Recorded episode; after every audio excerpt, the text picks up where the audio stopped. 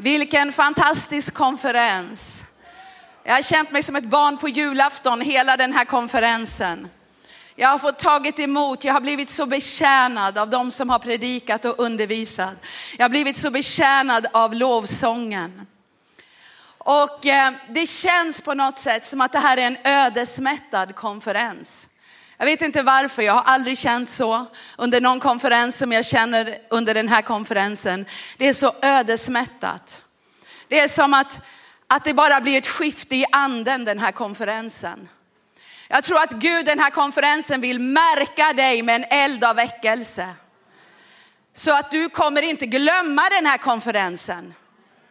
Du kanske har tänkt att, amen, jag orkar inte mer. Eller jag vill inte tala mer i hans namn. Jag vill inte göra mer. Jag har gjort vad jag orkar. Jag orkar inte längre. Jag är slut, jag är trött, jag är deprimerad. Men då blev det som en brinnande eld i mitt innersta, sa Jeremia. Jag försökte att uthärda elden, men jag kunde det inte. Det är vad som ska ske i ditt liv den här kvällen.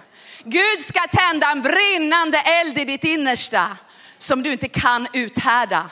Du måste bara dela evangeliet om Jesus. Du måste bara be för människor. Du måste bara göra det Jesus har kallat dig för att du blir driven av hans kärlek, hans eld, hans medömkan för de förlorade. Så jag vill deklarera ett ord för dig den här kvällen. Det är från Jesaja 60, vers 1 till 4. Stå upp och stråla för ditt ljus kommer och Herrens härlighet går upp över dig. Se mörker ska övertäcka jorden och töcken folken. Det kommer vara mörker och förvirring och töcken över folken. Men över dig ska Herren gå upp. Hans härlighet ska uppenbaras över dig. Lyft din blick under den här konferensen. Lyft din andliga blick och se i anden drömmen och visionen som Gud har gett dig. Lyft din blick och se dig omkring. Alla samlas och kommer till dig. Dina söner kommer fjärran ifrån. Dina döttrar bärs fram på armen. Kan du se smörjelsen av multiplicering? För att Herrens härlighet är över dig. För att du är fylld av hans ljus. Lennart berättade att jag satt på ett sjukbesök häromdagen och, och jag bara frågade Gud, jag fick liksom be fram det jag skulle säga här ikväll. Ibland kommer en predikan på fem minuter och ibland så måste saker och ting födas, pusselbitar måste läggas på plats. Och jag satt där på sjukhuset och jag sa Gud, hur ska jag inleda den här predikan på lördagskvällen? Och jag bara hör Jesaja 61, stå upp och var ljus för ditt ljus kommer. Herrens härlighet ska vara över dig. Och precis då skulle de ropa in mig på sjukbesöket. Carolina. Och jag klev fram och sa, nej men där är du. Du strålar ju så. Du strålar ju så, det bara lyser om dig. Var har du fått den här karisman ifrån? Och jag sa, vill du veta det? sa jag till sjuksköterskan. Hon hade munskydd, jag hade inget för jag tyckte det var svårt att andas med munskyddet. Jag gick utan så jag kunde predika fritt. Och hon sa, hon sa, vad är det som är din hemlighet? Jag sa, jag har ljuset på insidan. Ljuset, sa hon, vad menar du då? Jesus, sa jag. Han är mitt liv, jag älskar honom. jag älskar honom, han är, mitt, han är mitt liv, han är mitt allt. Och undersökningen den pågick och jag, hela tiden så predikade jag. Och då så sa hon, jag studerar nu läkarvetenskap och jag studerar kinesisk medicin, sa hon. Och det är ju så intressant sa hon, för jag har förstått att alla människor i olika kulturer ber, sa hon. Så att jag, jag förstår ju att det hjälper dig att be till Gud, sa hon. Då sa jag så här, nu måste vi backa bandet lite, sa jag. För det räcker inte bara att be. Det räcker inte bara att man utövar bön. Det viktiga är vem vi ber till. Jag ber till Jesus för han har frälst mig och renat mig i sitt blod. För jag var en rebell, en syndare. Alla människor föddes med synd i sitt DNA. Men Jesu blod var rent. Och han offrade det blodet för mig på korset. Det är därför jag ber till honom. Det är därför han är mitt liv. Hon var glad att hon hade munskydd för hon blev väldigt blek. och sen så la jag mig på undersökningsbordet och så sa jag att nu ska jag snart gå och predika så jag är så glad. Jag mår så bra, sa jag. Jag mår strålande för jag ska snart gå och predika. Så nu, nu, vet alla där att jag är här och predikar. Alla på, sköterskorna där på avdelningen vet vem jag är, att jag predikar och att Jesus är mitt liv. Vet ni vad? Vi kan predika överallt. Vi kan stråla överallt. Det är inte vår karisma. Det finns många kända fina människor som har karisma, men vet du vad? Karisman kommer från den helige ande och all ära tillhör honom. Amen. Så säg till din granne, du ska stråla i den här tiden.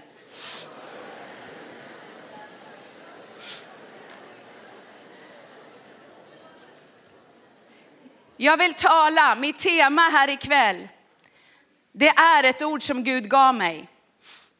Tiden är dyrbar. Tiden är dyrbar. Varför jag fick det ordet för den här konferensen, det var för att en väldigt nära vän till mig fick en dyrbar present för ett tag sedan. Några veckor sedan så fick han en mycket, mycket dyrbar klocka. Det var den finaste och dyraste present han någonsin hade fått. Han var chockad.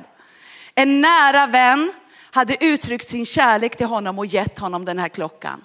Och han kom och visade mig den här klockan och han var helt förundrad. Han sa, titta vilken klocka jag har fått. Jag har aldrig haft en sån dyrbar klocka. Den är så fin, den är så dyr, den är så värdefull. Och jag gladde mig med min vän.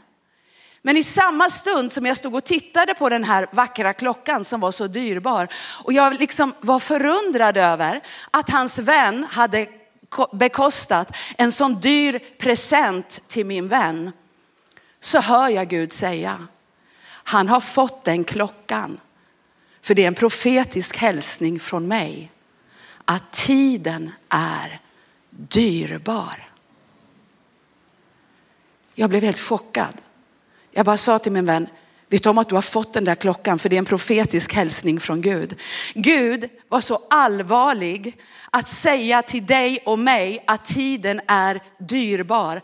Att han gav dig den dyrbara presenten. Självklart för att välsigna dig, men han ville också säga till dig och till hela den här församlingen, till alla som lever nu, tiden är dyrbar. Gud kan tala på olika sätt. Men jag blev chockad av det jag hörde. Att Gud kunde bekosta en sån dyrbar gåva, men bakom den så fanns det starka budskapet. Tiden är dyrbar. Och varför är tiden dyrbar? Tiden är dyrbar om man inte har så lång tid kvar. Mose bad en bön i psalm 90 och vers 12. Han bad så här. Lär oss. Gud lär oss att våra dagar är räknade. Så att vi får visa hjärtan. 1917 års översättning, den svenska översättningen säger, Herre lär oss att tänka på hur få våra dagar är så att vi får visa hjärtan. Tänk att Mose bad den här bönen som ledde Israels folk ut ur Egypten. Han sa Gud lär oss att tänka på hur få våra dagar är så att vi får visa hjärtan. Och jag började tänka på det här under veckan. Varför bad Mose den här bönen? Jo, därför att han ledde en generation ut ur öknen. De hade varit slav, eller ut, eh, ut i öknen från Egyptens slaveri. De hade varit slavar i 400 år och han blev deras befriare. Han ledde dem ut i öknen. Men vad gjorde den första generationen? De dog i öknen. De dog i öknen. Jag säger Gud, låt oss inte dö i öknen. Det finns ett land att erövra. Det finns ett land att inta.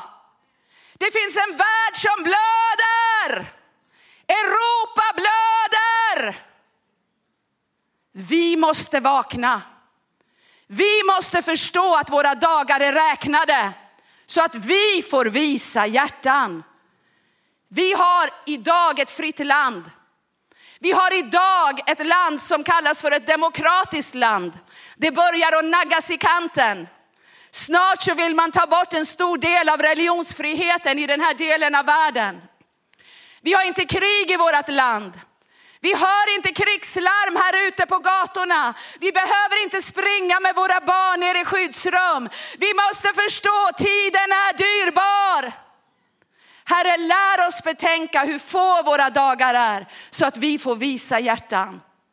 Den generationen som Mose tog ut i öknen från slaveriet, de klagade.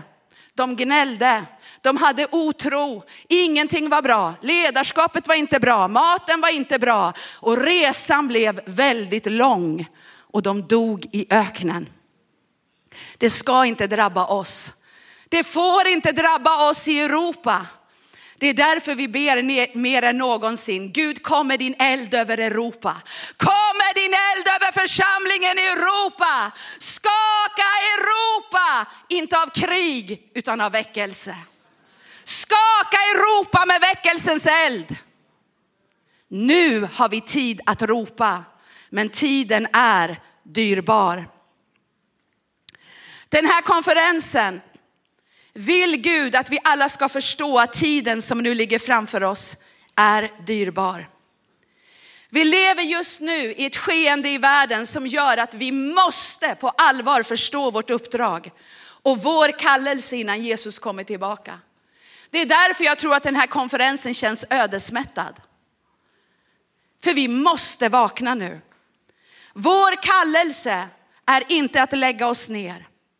Vår kallelse är inte att vara rädda, även om stormar kommer och regnet kastar sig mot våra liv. Vi ska inte vara rädda för nyheterna om krig på mobilen. Vi ska inte gömma oss. Det är en oerhört omskakande tid. Men vad säger Jesus i Matteus 7, 24 och 25? Den som hör dessa mina ord och vad då? Handlar. Höra är en sak. Handla är en annan sak, som Sofia predikade om i morse. Många är kallade, många har hört kallelsen, men få är utvalda. Vilka är det som är utvalda? De som säger ja. De som handlar på ordet. Och Jesus säger, den som hör dessa mina ord och handlar på mina ord liknar alltså en klok man som byggde sitt hus på klippan. Regnet öste ner, floden kom, vindarna blåste och kastade sig mot huset, men det föll inte. Varför föll inte huset? För det var grundat på klippan. Vårt fokus måste med andra ord, älskade syskon i Guds församling, det måste vara att vi ser Jesus varje dag. När jag satt här nere innan jag skulle gå upp så sa jag Jesus, jag går inte upp om inte jag ser dig. Jag talar inte om inte jag får se ditt ansikte. Jag måste få se ditt ansikte, jag måste få höra din röst. För inte genom någon människas styrka eller kraft kan det ske, bara genom din helige ande.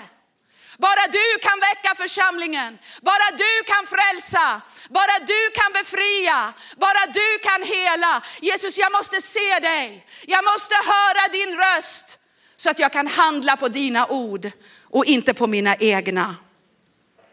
Vårt fokus måste vara Jesus och bara Jesus i den här tiden. Vi måste förstå, älskade församling, att ingenting av det vi ser i världen nu är en överraskning för Gud. Vi sjöng här att vi sitter under den högstes beskydd. Under dina vingar jublar jag. Tänk att vi får vara under Guds vingar i den här tiden. Gud vet allt som sker. Han vet allt som händer. Det som inte vi ens kan läsa på mobilen eller höra på nyheterna. Gud ser varenda människa. Gud vet allt vad som händer och han vet vad som kommer att hända innan Jesus kommer tillbaka. Tänk att Bibeln är historia skriven på förhand. Varför? För att Gud vill att hans barn ska vara trygga. Vi ska inte frukta, vi ska inte vara oroliga. Men vi ska förbereda oss för den tiden som vi nu lever i och går in i. Jesus säger i Matteus 24, Och vers 3. När Jesus sedan satt på Olivberget och lärjungarna var ensamma med honom kom de fram till honom och frågade oss, säg oss, när ska det ske? Vad blir tecknet på din återkomst och den här tidsålderns slut? Jesus svarade dem, se till att ingen bedrar er. Många ska komma i mitt namn och säga, jag är Messias och de ska bedra många. Låt mig bara få stanna där ett ögonblick. Det är så otroligt viktigt vem vi lyssnar på. Vad för undervisning vi lyssnar på i den här tiden. Det är så oerhört viktigt att vi har våra biblar framför oss. Att Guds ord är den högsta auktoriteten i vårat liv. Att vi inte blir bedragna och lurade av villfarelse eller av ett ljummet evangelium. Ett anpassat evangelium till den här världen. Guds ord står för evigt fast i himmelen. Man kan kalla sig predikant, man kan kalla sig pastor, man kan kalla sig Messias förkunnare. Men stämmer det man predikar med Guds ord? Vi måste veta vad ordet säger.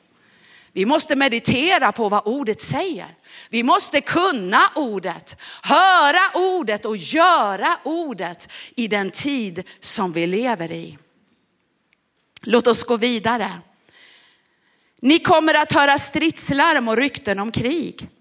Se då till att ni inte blir skrämda. Sådant måste hända, men det är ännu inte slutet.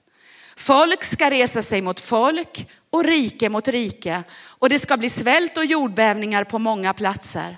Men allt detta är bara början på födslovåndorna. Vad är födslovåndor? Det är vad en kvinna känner innan hon ska föda sitt barn. Det kommer som vågor, födslovåndor. Och så blir det lugnt en liten stund. Man får en, en, liksom en kramp i magen som gör ont. Och så blir det lugnt en stund och så kommer en ny födslovånda. Jag vet inte vad du säger om det vi har varit med om den senaste tiden i vår del av världen. Men först så kom liksom en vånda av covid-19 och vi tyckte det var det värsta som hade drabbat oss. Och när den våndan var över så kom en ny vånda. Ett krig reser sig plötsligt och oväntat. Jag vet inte, jag är inte teolog, men man funderar, är det födslovåndor som kommer? Vi måste vara redo för det som kommer. Vi måste vara andligt förberedda. Vi kan inte bli oroliga när vi får lite hosta eller influensa. Vi måste resa oss i en helt ny nivå av tro, av styrka, av erövring. Det här är tiden då vi ska stå upp och stråla. Det är den här tiden vi ska vara ljus, för vårat ljus kommer. Mörker, töcken kommer vara över folken, men över församlingen kommer Guds härlighet att vara. Amen. Kan du ge Jesus en applåd?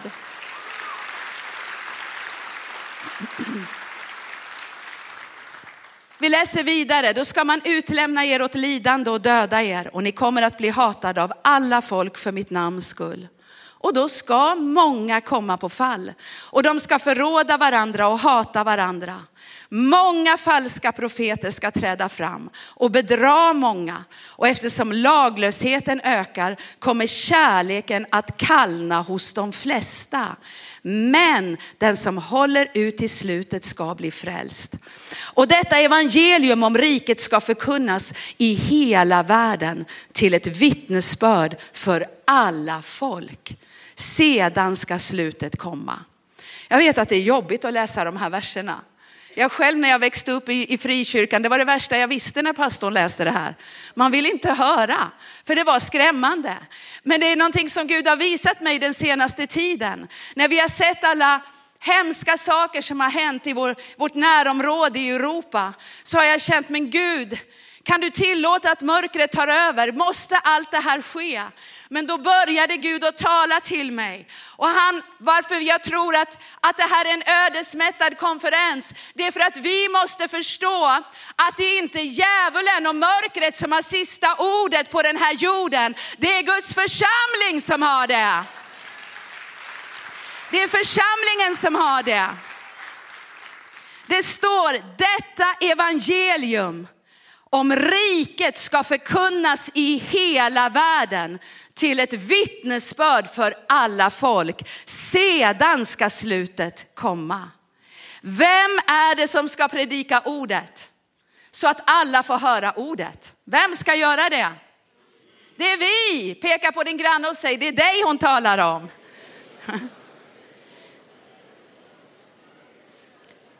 Det är därför vi älskar G12-visionen, för den hjälper oss. Den hjälper oss och reser oss upp att gå i Jesu fotspår och göra det han har kallat oss att göra. Vi måste förstå som Guds söner och döttrar. Vi måste vakna och förstå vilken tjänst Gud har gett oss. Vi kan inte vänta till imorgon. Vi kan inte säga, ja våran generation har gjort vårat. Vi orkar inte mer. Vi ska inte dö i öknen. Vi ska inte dö i öknen. Jag känner mig inte gammal. Jag har aldrig varit så gammal som nu, tro mig eller inte. Men, men jag känner mig inte gammal för jag är med Josua-generationen. Jag är med i Josua-generationen och jag vill vara det tills jag blir hundra år. Amen! Vi ska resa oss, vi ska erövra, vi ska se till att alla världens folk får höra evangeliet. Och jag kan säga att det finns människor här i Sverige som aldrig har hört om Jesus som inte förstår, de har inte sett en levande församling. De har inte träffat någon som har sagt, jag kan lägga händerna på dig och be så du blir frisk. Nej, för vi har varit ökenfolk. Min sköterska, när jag berättade för henne om Jesus, sa hon, det här är ju fantastiskt, sa hon till mig. En svensk, liksom helyllesvensk eh, sköterska, hon sa, jag har, jag har inte hört någon som talar på det här sättet. Det här var väldigt intressant att höra dig, sa hon. Ja, men hon har inte hört evangeliet. Hon har inte hört det sanna evangeliet om Jesus Kristus, om hans blod som var rent från synd och därför kunde han offra sitt blod för hennes och min räddning. Vi måste predika evangelium. Vi har Bertil Svärd som är vår bibellärare. Han sitter och reser till Afrika. Han är inte 18 år, han är lite mer. Han är, han är 70, 70, jag vet inte om jag får säga, men mellan 75 och 80 år. Han sitter och åker. Vi fick hålla honom hemma under värsta covid-pandemin. Han kunde inte sitta still. Han måste ut och predika evangelium för alla folk. Är du med i den generationen? För om vi gör det så kommer vi påverka Jesu ankomst. Vi måste vara den generation som reser oss och gör allvar av missionsbefallningen. Vi har aldrig sett en generation som har så mycket möjligheter som nu att predika om Jesus som vi har. Vi har media, vi har teknik, vi har utrustning som ingen annan generation har haft. Men då kanske vi behöver lägga in något mer än liksom den där salladen vi åt igår. Eller den där liksom semlan som vi åt och vi bara lägger in en bild och hela världen får se semlan vi åt. Tänk om vi alla skulle börja använda våra Instagram och våra Facebook och börja predika evangelium. Och bara skicka ut det, skicka ut det, skicka ut det. Nätet ska inte ersätta våra egna händer och fötter, våra egna läppar. Men vi ska vara överallt, överallt, överallt. Jag tror varför fienden har velat förslava också många kristna med kanske pornografi och dåliga saker på nätet. Det är för att han vill hindra oss att använda nätet till att vara en evangeliemissil i den här tiden. Vi ska inte se på mörker, vi ska inte ta del av mörkret. Istället ska ljuset tränga fram över hela nätet. Ut på tv, ut på media, ut överallt. Så ska vi inte skämmas för Jesus. Vi ska inte skämmas för församlingen. Vi ska inte skämmas för evangeliet. Utan frimodigt ska vi säga, vi tillhör Jesus. Vi tillhör den vägen som är på väg till himlen. Vi tror på Jesus i den här tiden.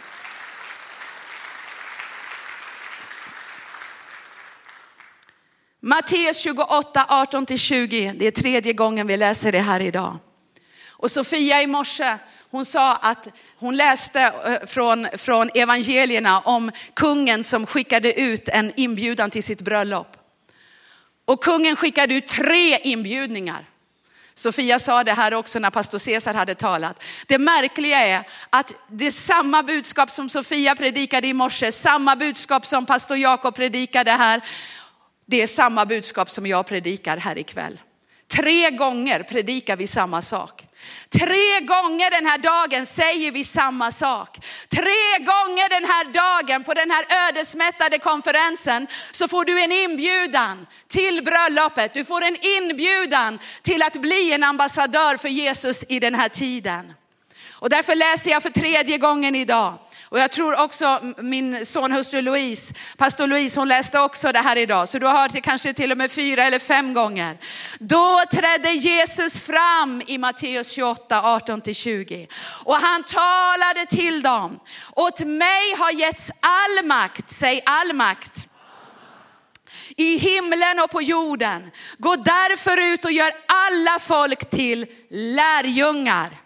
Döp dem i Faderns och Sonens och den helige Andes namn och lär dem att hålla allt som jag har befallt er. Och se, jag är med er alla dagar till tidens slut. Låt mig säga något viktigt till dig om de här verserna ikväll. Gud gav Jesus fullständig auktoritet när han dog på Golgata kors och uppstod på den tredje dagen. Då hade Jesus fått all makt i himlen och på jorden. All auktoritet var given till honom. Där vann Jesus en fullständig, överväldigande seger. Och det är därför Jesus säger, jag har all makt, åt mig har getts all makt i himlen och på jorden. Gå därför ut. Förstår du vad jag vill säga? Eftersom Jesus, våran frälsare, har fått all makt, all auktoritet, all makt och auktoritet över synd, över sjukdom, över demonisk fångenskap, över varje oren ande, över dödens ande. All auktoritet har blivit given till Jesus. Jesu namn är starkare än ett krig i Europa. Hans namn är över alla andra namn. Han har vunnit en evig seger. Och det är därför Jesus säger, varenda gång i Bibeln det står, gå därför, så ska vi vara uppmärksamma. Gå därför ut mina barn. Gå därför ut mina söner och döttrar. Reser upp för att jag har ju all makt i himlen och på jorden. Men om ni tänker vara ett ökenfolk, om ni tänker sitta och bara klaga, ha otro, vara under betryck, ja men då kommer de här hemskheterna att få övertag i världen. Och vi lämnar problemet till våra barn och barnbarn istället. Jag säger aldrig i livet. Aldrig i livet. Jag säger den största tillfredsställelsen jag har, det jag lever för, det Lennart lever för, det är att få se de kommande generationerna resa sig. Jag har sagt det till våran son Mikael, den dagen Lennart och jag inte är kvar här, ha ingen avskedsfest för oss. Utan när vi blir gamla så vill vi bara segla ut för andra ska kliva in. Och vi kanske sitter här längst bak och hejar på er och ber för er och de säger, vem är den där tanten som sitter där nere i, i rosa kavajen? Ja, det är en liten tant. Det spelar ingen roll om, vet, om de vet vilka vi är. Vi är inte intressanta. Det är Jesus som är intressant. I himlen ska vi ha det så underbart. Vi lever på jorden för himlens skull. Inte för att få uppmärksamhet här. Inte för att vara i centrum här. En del kanske tror det att, oj vad mycket, mycket beröm pastorerna får, vad mycket kärlek. Ja men det är för att vi älskar varandra. För världen kommer, när, när världen ser hur vi älskar varandra så kommer de komma till Jesus. De kommer inte komma genom våra finaste predikningar. De kommer komma för att de ser kärleken. Att vi älskar varandra, vi förlåter varandra. Vi har överseende med varandras svagheter och brister. Vi gråter med varandra, vi gläder oss med varandra. Om en hedras så hedras hela kroppen. Om en sörjer så sörjer vi med den. Den kärleken finns inte i världen. Amen.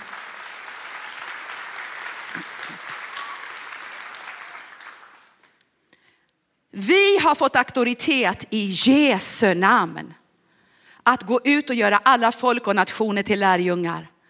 Men vet du vad? Auktoritet, det kan bara verka om vi använder den auktoriteten vi har. Om du sitter och åker i bilen och kör för fort och en polis kommer. Så om han inte stoppar dig så använder inte han den auktoriteten han har fått. Ibland kanske polisen är på väg någon annanstans. Han har inte tid att stoppa dig. Du saktar ner, du vet. Vi är ögontjänare. Oj, en polis. Vi saktar ner på en gång. Hur mycket kör jag? Hur mycket kör jag? Men vet du vad? Polisen har auktoritet. Men han måste utöva auktoriteten för att den ska bli verksam. Och det är samma sak med dig och mig. Vi har fått all auktoritet i Jesu namn. Vi kan be för sjuka. Vi kan be för en ledsen arbetskamrat. Vi kan, vi kan liksom ta auktoritet över problem som kommer in i våra familjer. Vi kan binda demonisk aktivitet som vill komma in genom dörren i våra liv och i våra familjer.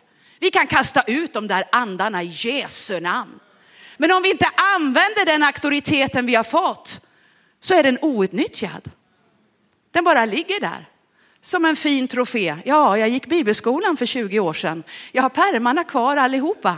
Varenda ämne, jag skrev allting för hand. Ja, men använder du den auktoriteten som du har fått i namnet Jesus? Använder du dig av den kunskap, den uppenbarelse som Gud har gett dig genom att be, genom att strida i anden och använda de vapen du har? Det är där vi står ikväll, älskade vän. Vi måste resa oss i den auktoritet som han har gett oss. Så älskade församling, tiden är inne för oss att resa oss i den auktoritet som han har gett oss. Vi ska inte sitta och frukta alla hemskheter som ska komma över jorden. Vi ska istället resa oss och påskynda Jesu återkomst genom att predika evangelium. Bara Gud vet när Jesus kommer. Ingen människa kan säga den dagen eller det datumet. Men vi hör mer och mer att det ropar den profetiska tjänsten över hela jorden ropar samma snart, sak. Snart kommer Jesus på himlens skyar. Jag vet inte om det dröjer ett år, fem år, 20 år, 30 år eller 60 år. Det är bara Gud som vet. Men vi kan se att världen är i uppror. Vi kan se att människor redan nu står rådlösa vid havets dån. Om inte vi vaknar nu, vad är det som krävs för att vi ska vakna? Det är vår tid att vakna. Så vi ska be att vi är den generationen som får se evangeliet predikas för alla folk. Så att Jesus kan komma och hämta oss hem. Då kan vi påskynda hans återkomst. Min älskade dotter Joy, hon skrev till mig i veckan att hon hade suttit och lyssnat på lovsång och hon skrev, idag när jag lyssnade på lovsång så hörde jag i min ande att ett bröllop planeras i himlen. En stor fest, det var sån glädje och frid och härlighet. Jag såg en stor vit sal med otroligt högt i tak. Jag upplevde det som att Jesu återkomst är så nära oss. Om man förbereder festmåltiden för att Jesus ska hämta sin brud. Hon sa, det var som när man förbereder festlokalen där man är efter vigselakten. Och det som gladde mig, skrev min dotter, det var att det var en sån glädje och sån härlighet. Och så skrev hon, ibland ser vi på Jesu återkomst som domedagen medan himlen skrattar och gläds åt att han snart ska hämta oss. Och så skrev hon till våran familj, om himlen är glad så ska vi vara glada. Jag ville bara dela det som en uppmuntran. Tack Joy. Att Gud visade sig för dig när du satt i lovsång. Att Gud talade till dig om himlen. Jag tror att Gud vill ge oss en bild av himlen. Vi är på väg till himlen, våra namn är skrivna i livets bok. Men det är inte bara vi som ska komma dit, utan vi ska rädda så många som möjligt för evigheten. Det står i psalm 2.8, begära mig. Begära mig så ska jag ge dig hedningarna till arvedel och jordens ändar till rikedom. Det är dags att det blir vårat begär framför alla andra begär vi har så ska det bli vårt främsta begär. Gud ge mig själar annars dör jag. Ge mig människor annars dör jag. Gud jag bara ber idag när jag går ut genom dörren från mitt hus, från mitt hem så bara ber jag ut blodet som du offrade från din sårade panna och det, det, det föll ner på marken och bröt fattigdom och brist och törne. Jag tar det blodet och ber över den här dagen att varje steg jag tar ska jag vara ledd av din helige ande. Varenda besök jag gör, varenda relation jag har så ska jag stråla av din härlighet och människor ska dras till dig. Människor ska ta i våra kläder som de tog i apostlarnas kläder och de blir botade bara de rörde vid deras kläder. När deras skugga föll på dem så blev de helade. Det är den tiden vi går in i. Det är den tiden vi ska se om vi är den generationen som vill vakna. Psalm 91, vers 1 och 2 som jag sa säger, den som sitter under den högstes beskydd och vilar under den allsmäktige skugga. Han säger till Herren, min tillflykt och min borg, min Gud som jag litar på. Vet du vad, i den här tiden där det kommer så mycket stormar, så mycket hemska nyheter, så mycket smärtsamma nyheter. Ingen av oss har gått, kunnat undgå att se vad som händer i Ukraina. Jag, jag har varit sjuk av smärta och jag tror du också har varit det. Jag, jag, har mått så dåligt, jag har inte kunnat göra någonting annat. Man bara går och ber och ber och ber och gråter och gråter. Man orkar nästan inte, man känner, man har ont i magen nästan när man ska sätta på Aktuellt på kvällen. För man känner man orkar nästan inte se mer. Men vet du vad, vi, ska, vi måste vända blicken. Vi ska gråta, vi ska be med dem. Vi ska stå med dem, vi ska hjälpa dem, vi ska vara en öppen famn. Men vi också måste lyfta blicken till Jesus och säga Jesus, jag behöver mer smörjelse. Jag behöver mer styrka. Jag behöver mer kraft. Jag sitter under den högstes beskydd. Jag sitter under ditt beskydd. Min familj sitter under ditt beskydd. Församlingen sitter under ditt beskydd. Sverige, Europa sitter under ditt beskydd. Och vi vilar under den allsmäktige skugga, hur det än ser ut i världen. Vilka stormar som än kommer. Och jag ber att varenda flykting ska få finna den platsen under dina vingar i Jesu namn. Så de kan säga i Herren har jag min tillflykt och min borg. Honom som jag förtröstar på. Det gäller varje person som är på flykt över hela vår värld. Det är många krig som pågår. Och tänk att vi har det löftet och tänk att vi kan ge det löftet till andra som gråter, till andra som sörjer. Vet du vad, jag vill visa dig en plats där du kan bli helad. Jag vill visa dig en plats där du kan bo med din själ, med ditt hjärta varje dag och varje natt. Och den platsen är under den högstes vingar, under den högstes skugga. Den som sitter, det betyder den som bor där. Den som abide, den som stannar där, den som bor där, den som inte lämnar den platsen. Vet du vad, vi får inte lämna den platsen efter den här konferensen. Vi måste bo under hans vingars skugga dag och natt, dag och natt, dag och natt. Vad vi än går igenom så är det vårat gömställe. Och då kanske du säger, men hur, hur hittar jag den platsen? Jo, genom att vi bara tillber Gud. Vi spenderar tid i hans närvaro. Vi tillber honom. Vi älskar honom. Vi tackar honom för blodet. Vi tillber honom för att han är våran Gud. Och vi har en längtan, en desperat längtan efter att se hans ansikte och höra hans röst. Det finns inget underbarare än den platsen. Och den platsen kan vi vara på när vi är på våra arbeten, när vi går ute och gör våra vardagliga sysslor, när vi är i familjer som inte är perfekta, som är dysfunktionella, när vi går genom lidande och svårigheter så kan våran själ vila på den platsen. Och när du hittar den, du vill aldrig vara på någon annan plats. Det finns ingen annan plats. De ogudaktiga har ingen frid. Det finns ingen frid utan Gud, men i honom och under hans vingar är vi beskyddade. Amen. Det är vårt gömställe i den här tiden. Så vi behöver göra, älskade församling, det som Jesus talar om i Matteus 25, 1-13. Då ska himmelriket bli som när tio jungfrur tog sina lampor och gick ut för att möta brudgummen. Fem av dem var oförståndiga och fem var kloka. De oförståndiga tog sina lampor men tog inte med sig någon olja. Medan de kloka tog olja i kärlen tillsammans med sina lampor.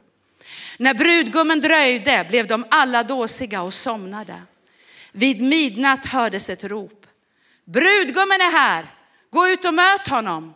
Då vaknade alla jungfruarna och gjorde i ordning sina lampor.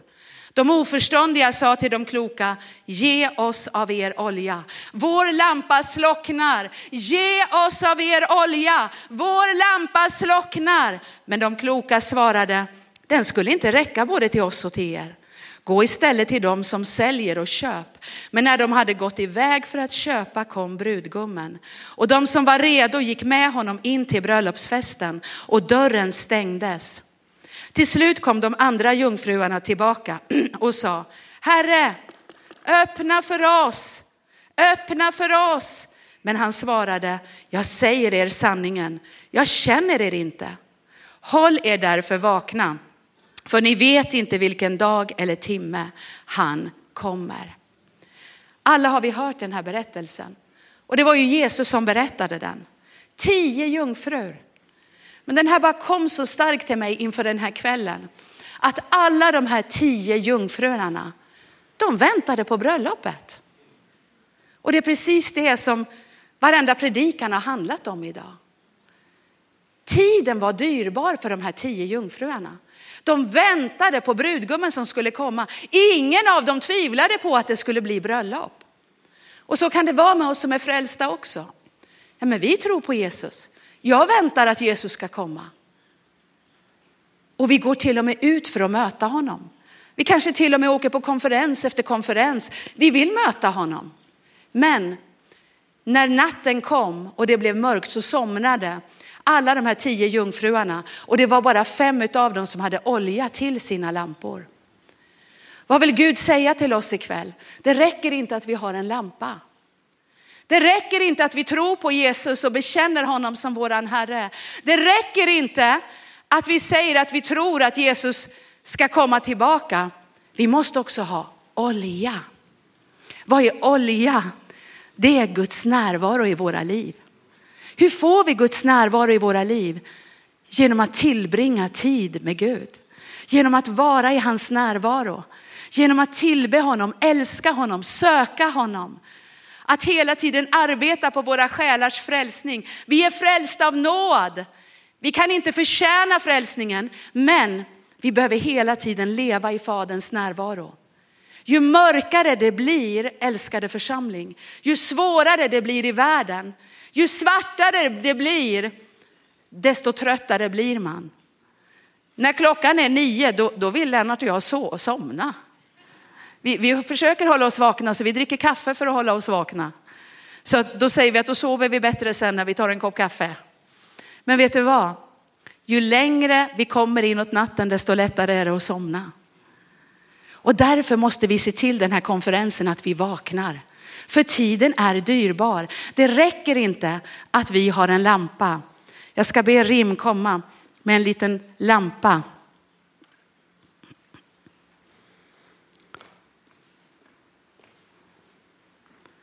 Tack. En liten oljelampa. De gick ut om natten och alla hade lamporna. Alla väntade på brudgummen. Men hade man inte olja i lampan så gick den ju inte att tända när mörkret kom. Vi måste förstå, älskade församling, att den här konferensen handlar om att vi måste påminna oss om att ha olja i våra lampor. De ville att de andra jungfrurna skulle ge dem olja när de saknade olja. Men oljan räckte bara till dem som hade det själva. Så de sa, ni får gå och köpa själva. Man kan ju undra, hur kunde de missa att ta med sig olja när de visste att brudgummen skulle komma? De hade inte tagit vara på tiden av förberedelse. De hade inte förstått att tiden var dyrbar. Och jag bara ber att vi aldrig någonsin ska hamna där. Jag säger till Lennart ständigt, låt oss aldrig hamna där. Låt oss aldrig hamna där. Att vi kanske tänker, vi har en stor församling, vi predikar här och folk är glada. Vad räcker det? Vi måste själva ha olja i våra lampor varje dag och varje natt. Vi måste själva ta ansvar för vårt eget böneliv, för vår egen helgelse. Och oljan är en bild på vår intima och nära relation med Gud. Det är en bild på Guds närvaro i våra liv. Det är en bild på att våra hjärtan längtar efter Gud mer än något annat och hans rike före allt annat i våra liv. Som jag läste igår kväll, Matteus 6 och 33. Sök först Guds rike och hans rättfärdighet så ska ni få allt det andra också. Det är därför vi i Wow Church, vi lär alla som blir frälsta att göra sin daily devotional. Vad är daily devotional? Det är daglig överlåtelse till Jesus. Att när vi vaknar på morgonen, om vi kan, så, så bara tar vi upp Bibeln och vi, vi läser ordet och vi ber och vi bara tackar Jesus för blodet över våra liv. Vi tackar blodet över våra, för, för blodets beskydd över våra familjer. Vi bara deklarerar att vi och våra familjer ska tjäna Herren. Hela vår familj ska komma in i arken. Och så ber vi ut blodet över församlingen, över varenda pastor, varenda ledare. Och så ber vi ut blodet för hela Kristi kropp i Sverige. Och så ber vi ut blodet för regeringen och riksdagen över Sverige Sveriges gränser, över Sveriges luftrum och vattnet och territoriet som tillhör det svenska riket. Och så ber vi för Norge och så ber vi för Finland och så ber vi för Danmark och så ber vi för Europa. Vi ber för Ukraina, vi ber för Ryssland och vi ber för de länder som Gud lägger på vårt hjärta. Varje morgon så behöver vi gå upp och vara i Guds närvaro, och tillbe honom, älska honom, se honom och komma in i en bönetjänst så att oljan finns i våra lampor, så att våra lampor är brinnande. Så vi behöver göra vår dagliga överlåtelse. Vår förra pastor, pastor Bror, som var känd för sitt starka böneliv, han brukade alltid säga, jag går upp och ber klockan fyra innan djävulen vaknar. För jag avskyr att sitta i kö, sa han.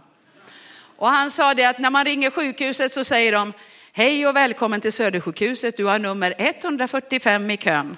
Och så dröjer det en liten stund och så säger de, hej och välkommen till Södersjukhuset, nu har du nummer 144 i kön. Han sa, jag avskyr att sitta i kö. Men går jag upp fyra på morgonen då är det direkt, direkt kontakt med himmelska tronrummet.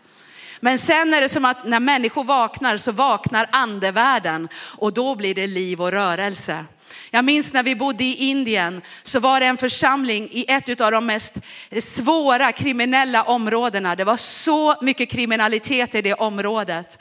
Och eh, det, det otroliga var att pastorn i den lilla församlingen i det här slumområdet, han hade en stark brinnande församling som levde i väckelsens eld. Och han bad, han bad alltid till långt in på natten. Och när han sen somnade så berättar folk som bodde i stan att när den här pastorn somnade med sin fru och sina barn i huset, inne, de hade kyrkolokalen eh, i, i samma hus som de bodde och så hade de höga staket runt omkring. Och när de somnade där på kvällen så säger folk i stan att det var två stora män som gick vakt utanför deras grindar. Och det var två jättelånga män och de var så respektingivande, de hade muskler, de var krigare och de gick där fram och tillbaka och de var beväpnade. De gick framför den här kyrkolokalen fram och tillbaka hela natten ända till klockan fyra. Då försvann de. Varför försvann de? Jo, för då gick pastorns gamla pappa upp som var i 90-årsåldern och bad på sina knän klockan fyra varje morgon. Så då visste de, nu är det någon annan som vaktar. Så då försvann de, så människor såg dem inte dagtid. Det här berättade de om i den här väckelseförsamlingen. Tror ni på änglar? Ja, jag tror på änglar. Jag tror att vi har änglar med oss i den här tiden. För det är det psalm 91 säger, att ingen olycka ska hända oss, ingen plåga ska ens komma närheten av oss. För han ska ge sina änglar befallning om oss och hans änglar ska bevara oss i den här tiden på alla våra vägar. Men vi måste resa oss i den auktoriteten. Vi måste ha olja i lampan så att vi kan börja deklarera det över församlingen, över våra liv i den här tiden av mörker som vi lever i. Vi kan inte säga till någon annan, ge mig din olja. Det är så härligt att vara med dig pastor. Det är så härligt att vara med min cellledare. Vi kan inte liksom hela livet ringa våran wow-ledare och säga ge mig olja, ge mig olja. Vet du vad, den här konferensen ska du börja skaffa din olja själv. Du ska inte leva beroende av andra människor. När man är nyfrälst så behöver man ledare som hjälper en. Men vet du vad, vi går in i en tid då vi alla måste veta var vi hämtar oljan. Vi kan inte säga ge mig din olja, hjälp mig, hjälp mig. Vi kommer leva i ständig besvikelse för folk kan inte finnas där 24 timmar om dygnet och hjälpa oss. De svåraste stunderna i mitt liv har jag inte haft någon människa att ringa. Jag har inte haft någon som har kunnat hjälpa mig.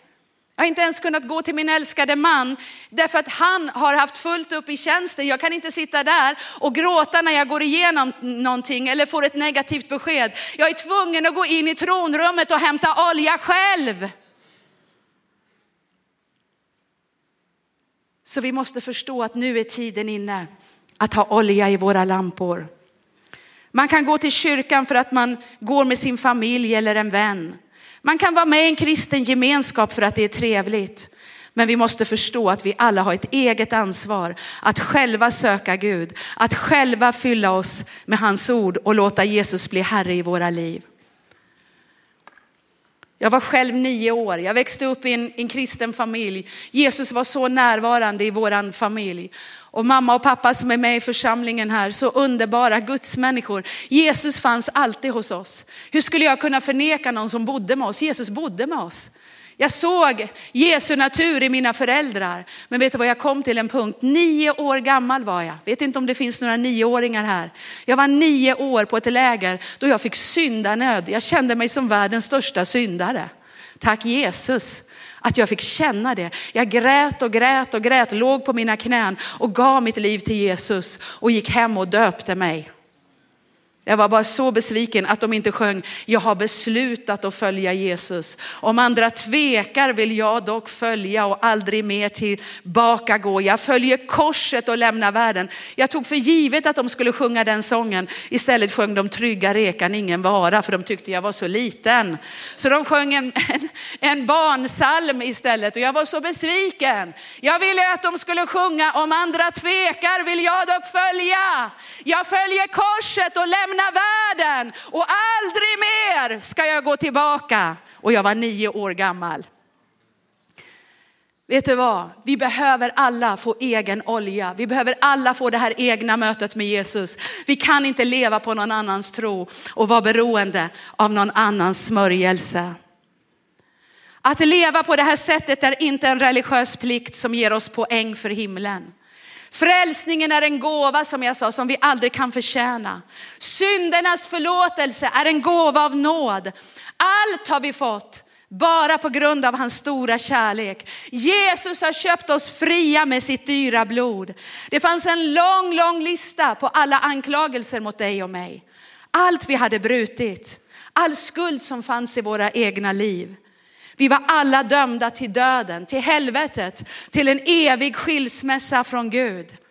Men Jesus kom och tog straffet i ditt och mitt ställe och gav oss liv av nåd. Vi blev benådade i rättegången.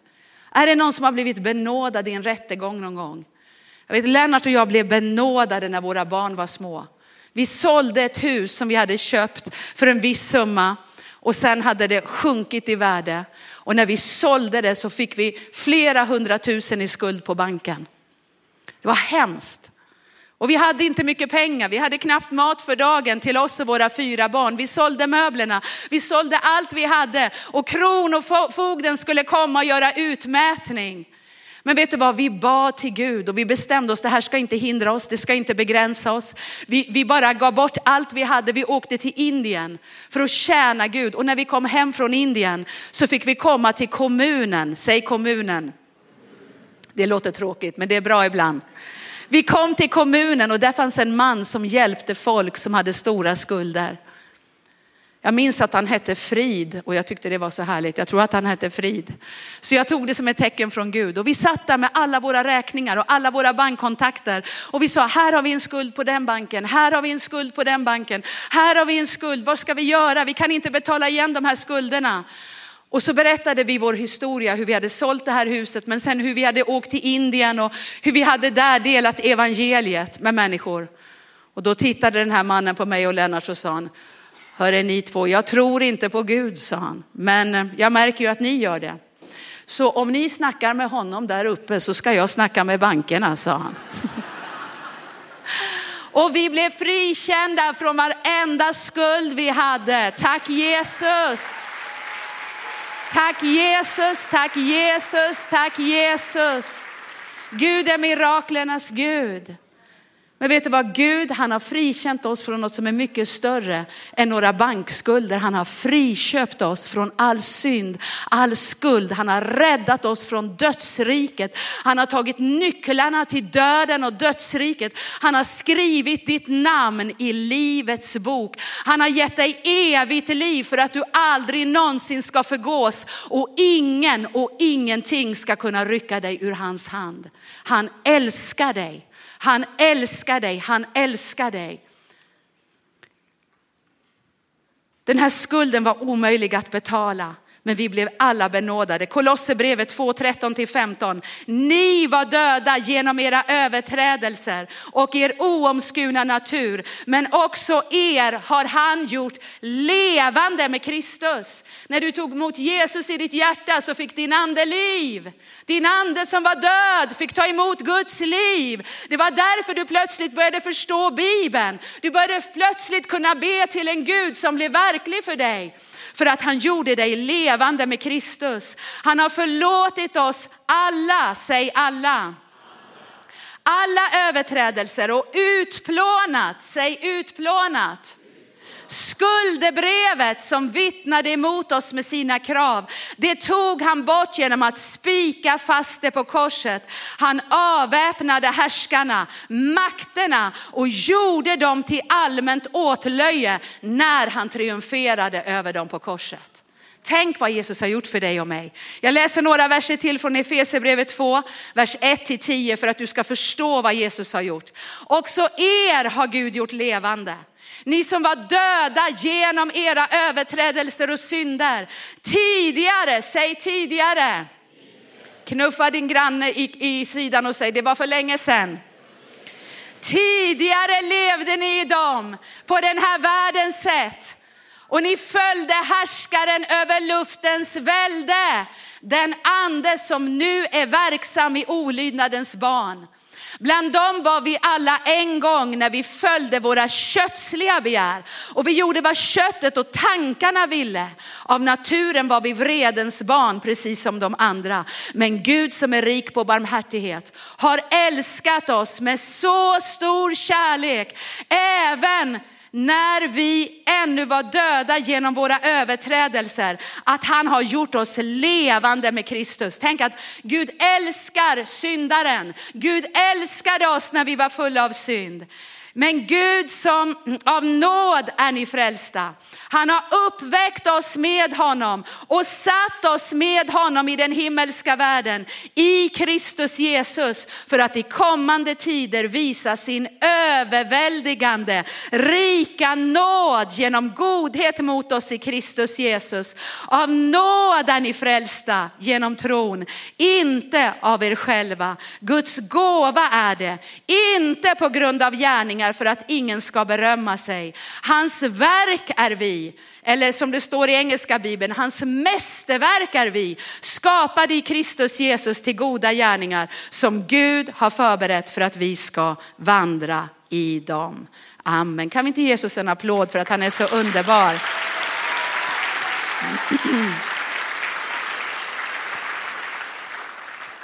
Det står om de tio jungfrurna, jag ska avsluta med det här, jag predikar alltid länge, jag är känd för det, jag är stolt över det.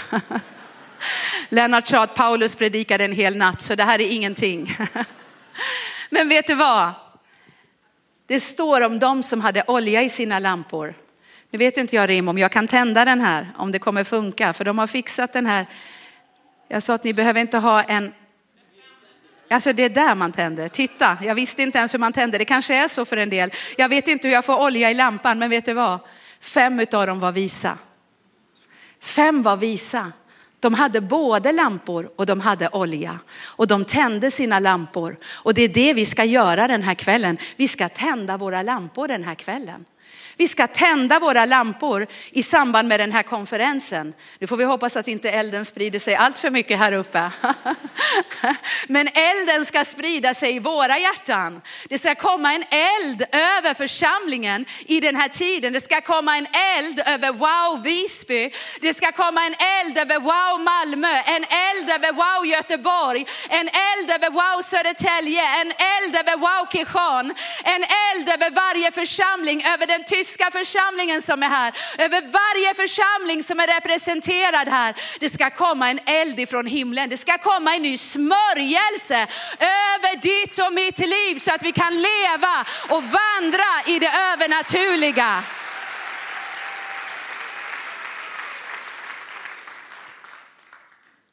Jesus säger, vaka därför, ty ni vet inte vilken dag eller timme han kommer.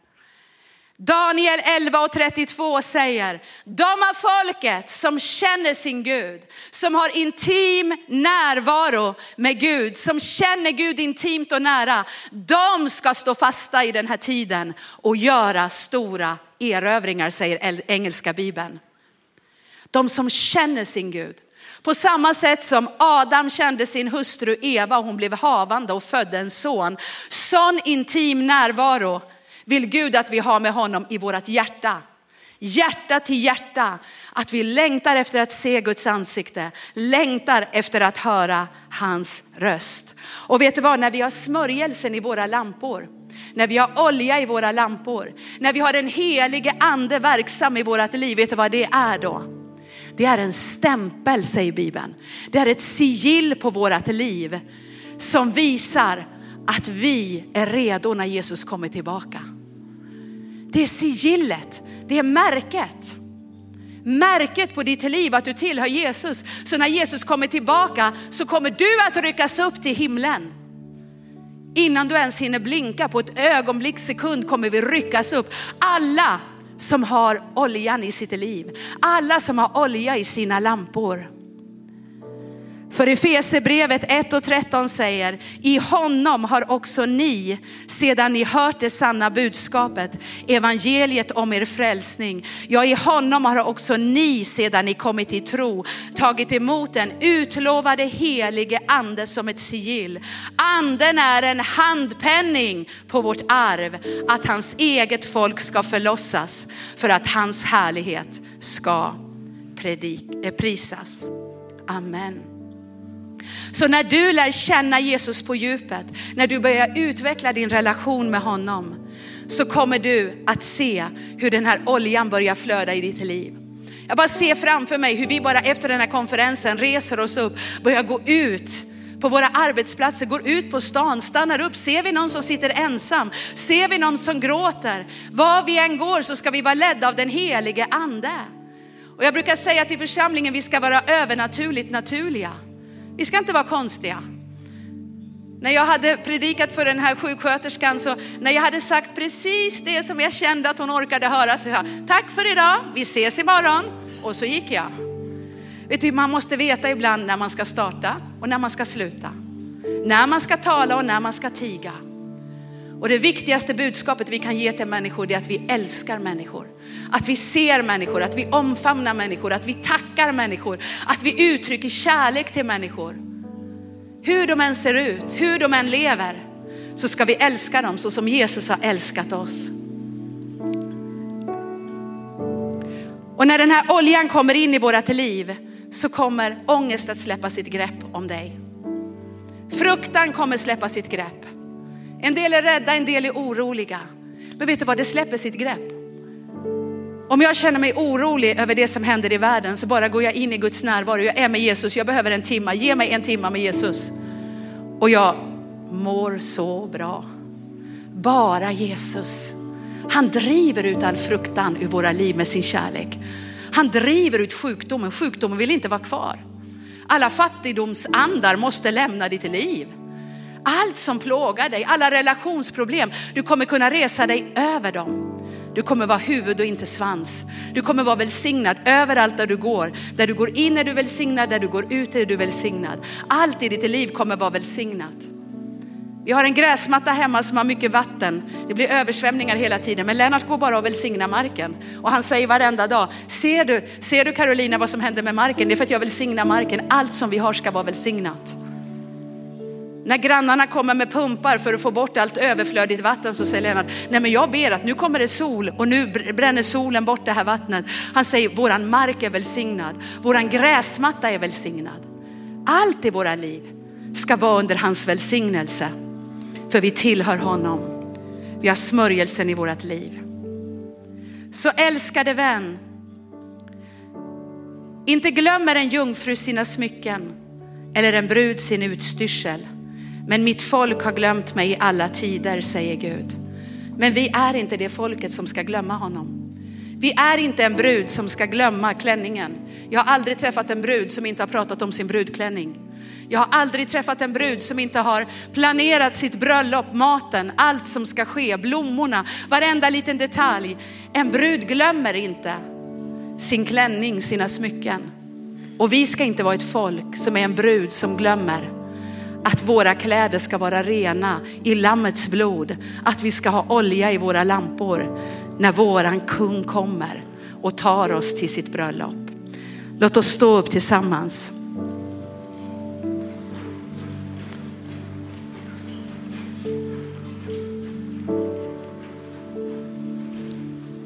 Du kan blåsa ut den här.